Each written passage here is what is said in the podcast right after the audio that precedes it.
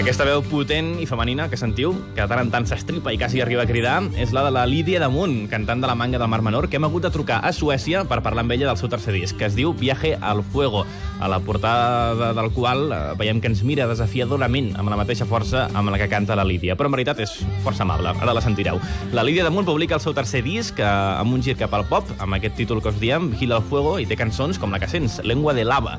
I tant de foc i tant de Vigila al Fuego és una idea que una mica us podeu imaginar. Sorgeix d'un record de la Lídia en una acampada que, com que li fa por a la foscor, al bosc a la nit es va quedar vigilant el foc, cremant branquetes. Més enllà d'això, d'aquest vigilar el foc en un campament, és una frase o una actitud que li suggeria altres sensacions. I, de fet, tot el disc és així. Són referències a la natura o altres idees a les quals eh, li podem trobar altres lectures.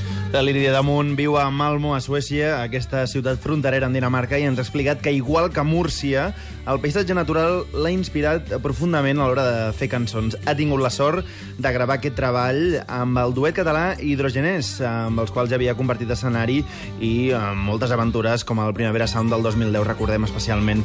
La seva col·laboració afegit i també ha tret matisos del disc per donar-li la forma final.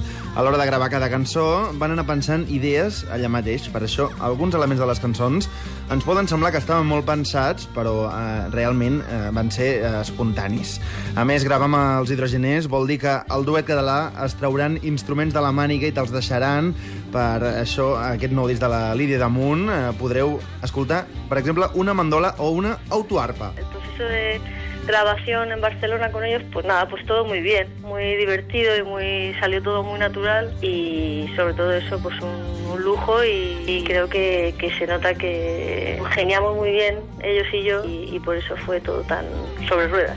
Yo, a ver, lo que yo utilizo muchos elementos de la naturaleza para, para escribir las canciones, pero en realidad hablo mucho pues de sentimientos y de cosas que son bastante típicas por otro lado, ¿no? De las letras. Utilizo, o sea, es una forma de expresarme también, ¿no? O sea, por ejemplo, la canción Esperándote, pues sí, hablo de, o sea, si lees la letra, pues estoy, vamos, menciono elementos del bosque y tal, pero bueno, es una letra que, que en realidad es una relación entre personas, ¿no? O, canciones como Lengua de lava, pues sí, estoy, me inspiro un poco la historia de un volcán, pero bueno, puede tener otras lecturas y a mí lo que me gusta es jugar un poco con eso, ¿no?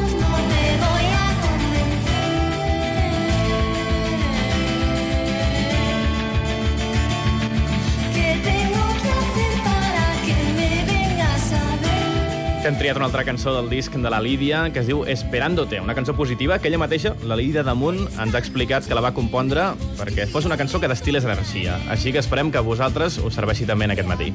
I si la voleu veure en directe, heu d'anar aquest dissabte, dia 7 de juliol, al Jamón Pop. Ens agrada molt el nom d'aquest festival, a Huelva, o bé, d'aquí dos dissabtes, el 14 de juliol, aquí al costat del Festival Petit format de l'Hospitalet del Llobregat.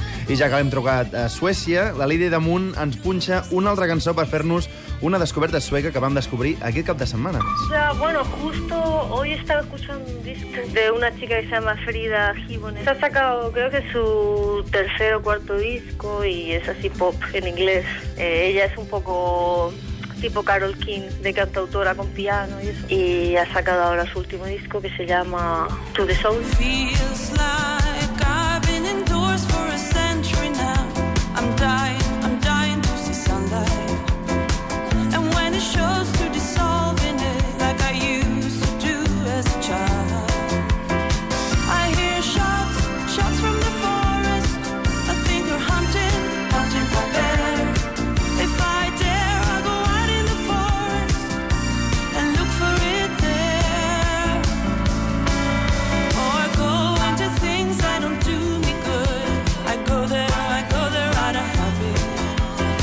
I go